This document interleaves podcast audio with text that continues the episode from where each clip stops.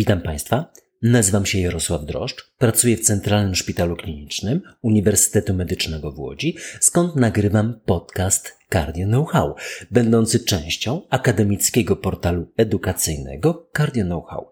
Jest on przeznaczony wyłącznie dla profesjonalistów i odzwierciedla wyłącznie moje osobiste poglądy. Słuchaliście Państwo ostatni epizod Johna Mendroli, This Week in Cardiology, Medscape? Także wpada w narrację starczego gderania. Nawet chyba bardziej gderania, chyba nawet bardziej niż ja ostatnio. Link jest oczywiście w transkrypcie. Tylko 5,6 wszystkich medycznych procedur szeroko rozpowszechnionych we współczesnej medycynie ma oparcie w wynikach poważnych randomizowanych badań klinicznych, a ponad 8% przynosi wyraźne szkody. Kardiologia wydaje się być bogata w te procedury, te, które przynoszą korzyści, ale nie aż tak bardzo, jak Państwo sądzą. Nadciśnienie, połowa naszych procedur charakteryzują korzyści, a szkody przeważają w co szóstej. Cała kardiologia połowa procedur charakteryzują korzyści, a szkody przeważają w co piątym. Zapraszam do lektury specyficznego, jak na nasze terytorium, tematu skuteczności czy potwierdzenia skuteczności naszych klinicznych interwencji w dziedzinie kardiologii, ale też nie tylko.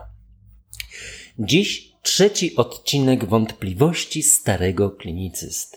Wady serca. To zdecydowanie najtrudniejsza i najbardziej elitarna umiejętność w całej kardiologii. To moja opinia, ale wyrażana także w codziennej praktyce lekarskiej przez liczne grono kardiologów. Jak widzą pacjenta, kardiolodzy, jak widzą pacjenta z wadą serca, to nabierają wody w usta, mając tendencję do pięciu zasadniczych błędów.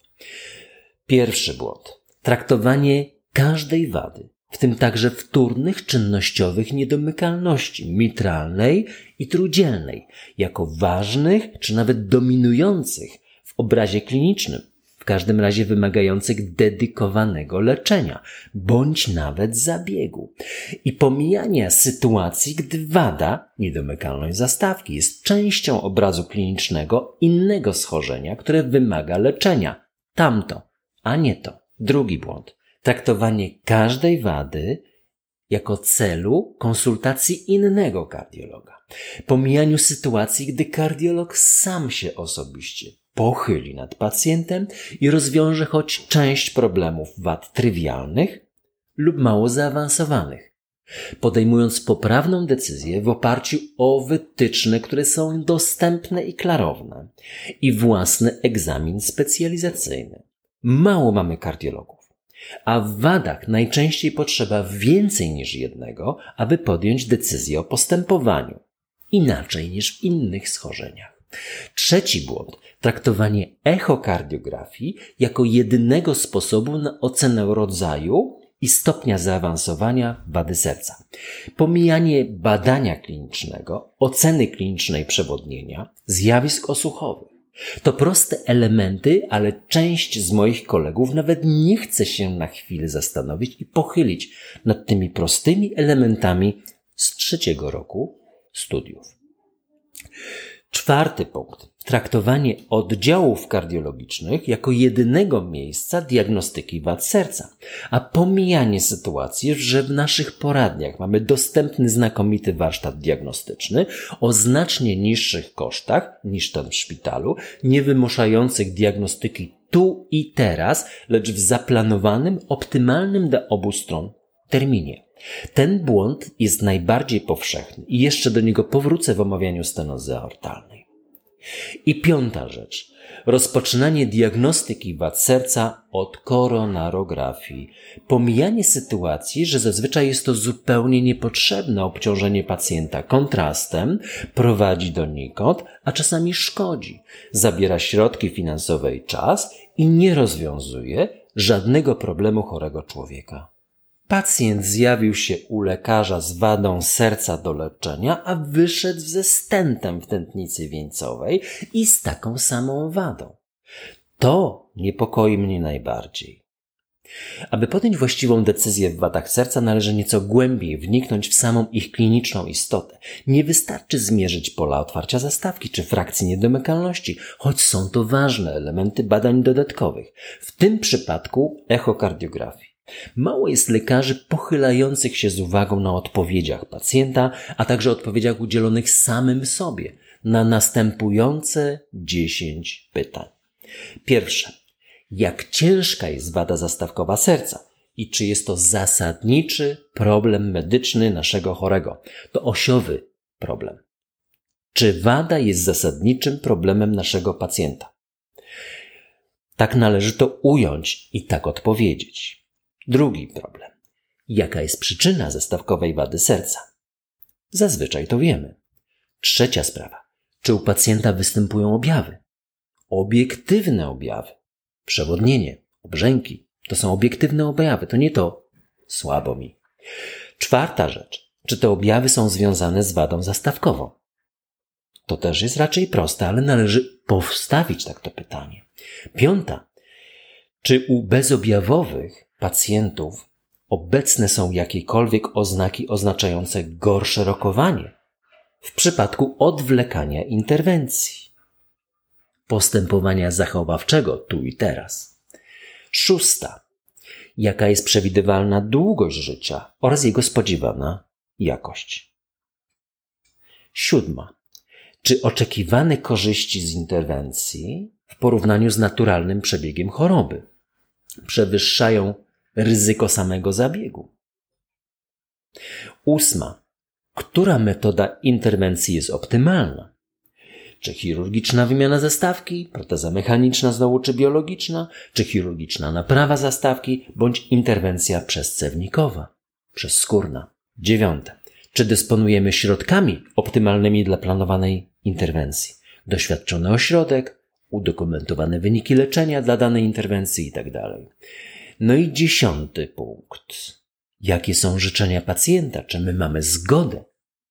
Uświadomioną zgodę na pewne zabiegi, które wiążą się z kilku, kilkunastu bądź kilkudziesięcioprocentowym ryzykiem. To niby proste, ale mało lekarzy skupia się na powyższych elementach, próbując nawet w przybliżony sposób udzielić sobie odpowiedzi. Dziesięć prostych odpowiedzi.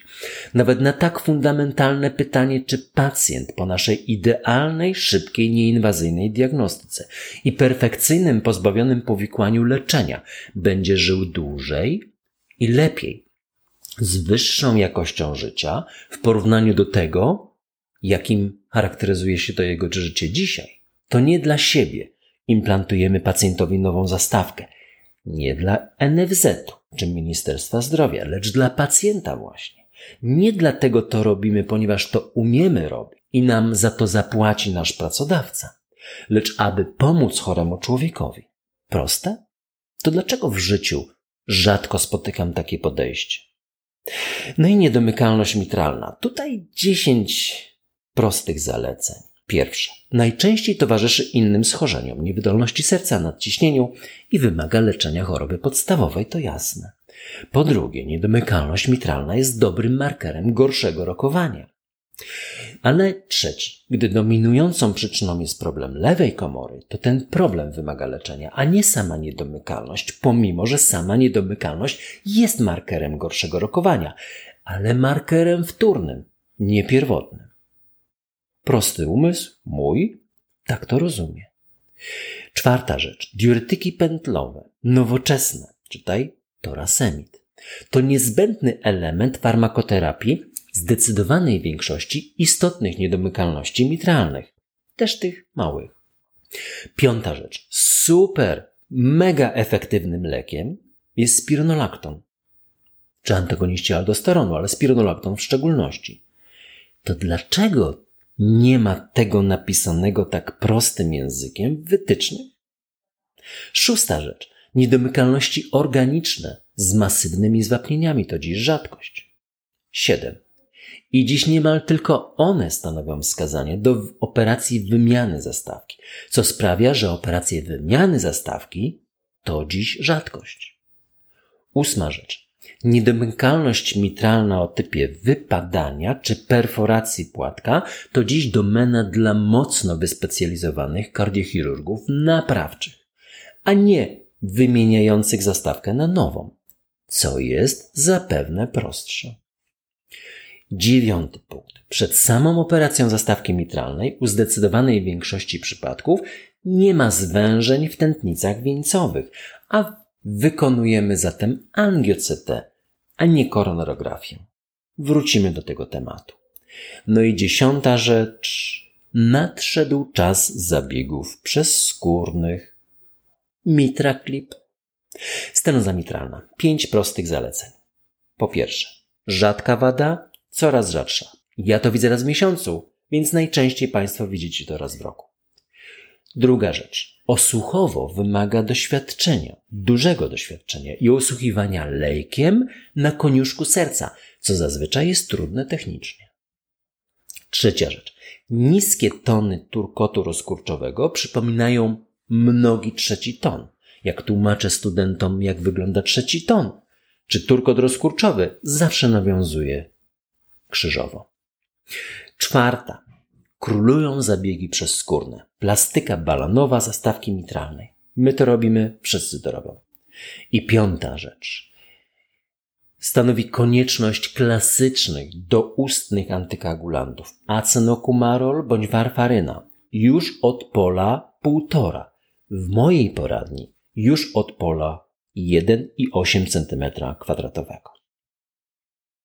Niedomykalność aortalna. Pięć prostych zaleceń. Pierwsze. Gdy powstała niedawno, tak zwana ostra, należy do najbardziej dynamicznych i niebezpiecznych wad serca.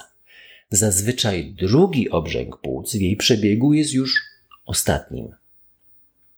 Druga rzecz.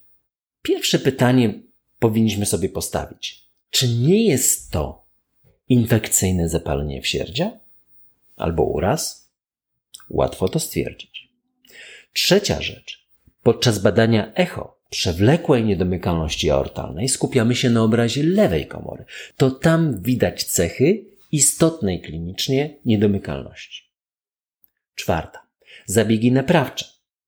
Ten standard powstaje właśnie na naszych oczach. I piąta rzecz. Gdy towarzyszą stenozie niedomykalność aortalna i stenoza, która dominuje w obrazie klinicznym, to pewnie zalecałbym TAVI. Ale przewiduję, że i w niedomykalnościach, czy jej części, TAVI zdobędzie należne pole. No i ostatnia rzecz. Stenoza aortalna. Królowa wszystkich współczesnych wad serca, gdyż jest najczęstsza. Ale to nie jedyny powód do tego terminu królowej wad.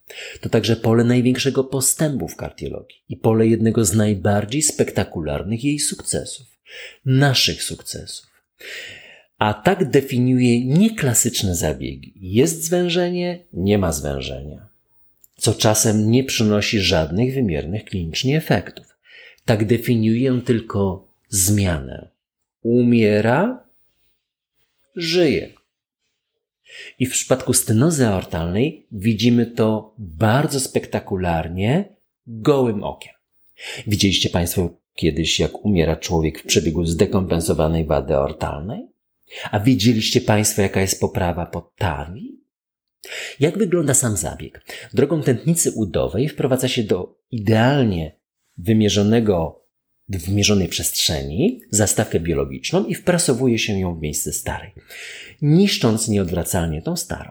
Zalety brak konieczności operacji, krążenia pozaustrojowego, leczenia ran pooperacyjnych, szybki czas zabiegu. Wady konieczność sprawdzenia dostępności drogi dotarcia, tętnicy udowej, biodrowej, pomiaru samego pierścienia aortalnego, lokaliz lokalizacji ujść tętnic wieńcowych, które nie mogą się znaleźć pod pierścieniem implantowanej zastawki. I coś, na co rzadko zwracają uwagę lekarze nie wykonujący tych zabiegów, czyli w zasadzie zdecydowana większość lekarzy kardiologów, także sami pacjenci i ich rodziny to konieczność zatrzymania serca na kilkanaście sekund. Jak? Szybką stymulacją komór. Po co? No, aby móc implantować zastawkę w miejscu, gdzie płynie szybki strumień krwi. No co 8 sekundy, wydajność 5 litrów na minutę. To 67 ml na 8 sekundy. To szklanka wypełni się krócej niż 4 sekundy. Sprawdźcie Państwo, nalewając dziś z kranu szklankę wody. Ile to zabiera sekund? U mnie 6. A człowiek w tym miejscu ma prąd taki, że szklanka wypełniłaby się w krócej niż 4 sekundy. Zaskakuje nas miło wiele rzeczy związanych z przebiegiem Tawi, które Państwu opisałem. Pięć wynotowałem sobie. Nieznaczna ilość powikłań, mniejsza niż się spodziewaliśmy. Bardzo mały odsetek zgonów, jak na tą umierającą populację. Niska liczba powikłań w postaci udarów mózgu, jawnych klinicznie, gdyż niemych klinicznie udarów jest więcej, czy uszkodzeń ośrodkowego układu nerwowego, ale to dziś pominę. Czwarta rzecz, trwałość zastawki biologicznej. Degeneracja to dziś ogromna rzadkość, a wykonujemy tą procedurę my od 2012 roku, w Polsce od 2008, a na świecie od 2002. Jedna rzecz martwi konieczność implantacji kardiostymulatora, gdyż manipulacja odbywa się w okolicy ważnych elementów układu bodźco-przewodzącego i część pacjentów musi mieć implantowany kardiostymulator. No i rzecz ostatnia. Czy przed operacją należy przeprowadzać koronarografię? Wytyczne piszą, że tak. I osobiście uważam, że to błąd. Duży błąd. Sprawdziłem i nadal uważam, że to błąd. Otóż od 10 lat przeprowadzamy teraz setkę tawi rocznie, więcej niż setkę, każdego roku coraz więcej. I klasyczny przebieg przygotowań jest następujący.